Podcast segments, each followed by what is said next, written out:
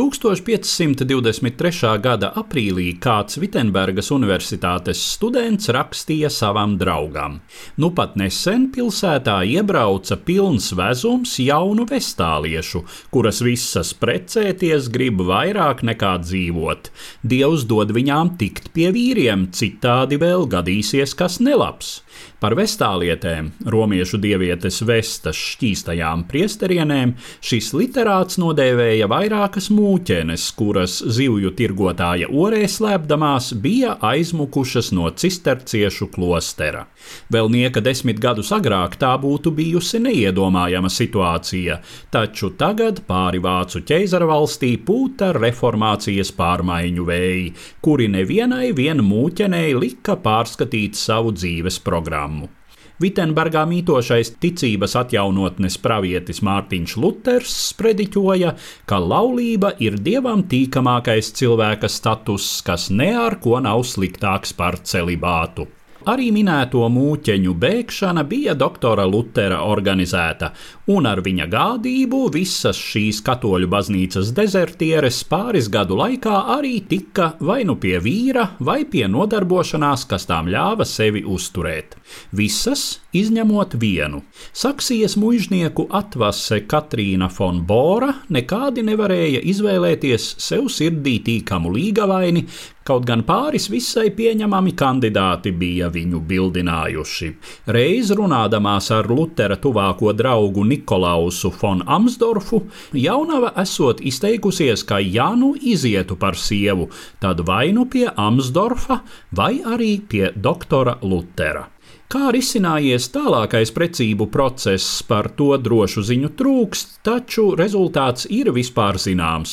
Mārtiņš Luters un Katrīna von Bora salauzās Vitsenbergā 1525. gada 13.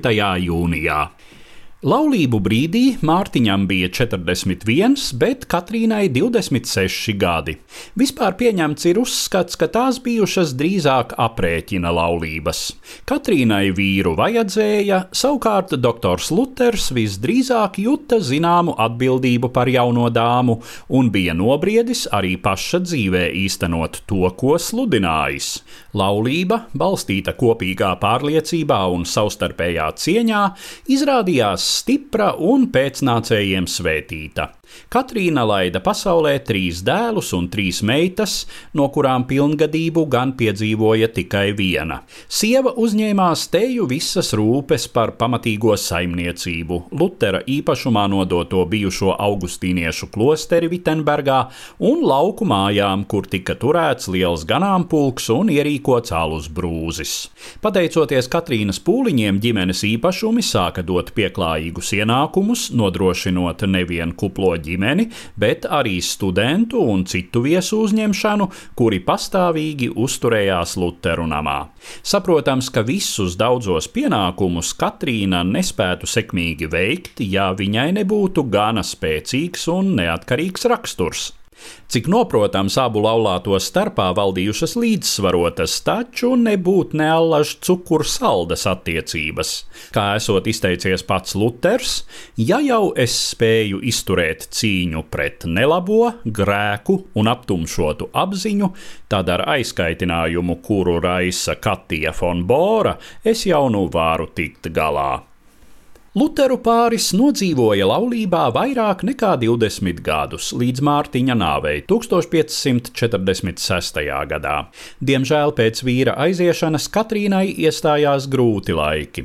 Vitsenbergas īpašumi droši vien ļautu savilkt galus, taču tai pašā gadā uzliesmojušais karš starp protestantisko Smalkaldes līgu un vareno katoļu imperatoru Kārli V Habsburgu aizdzina atraitni bēgļu gaitās. Viņa gan atgriezās, taču atrada īpašumus izpostītus un bija spiesta dzīvot lielā trūkumā.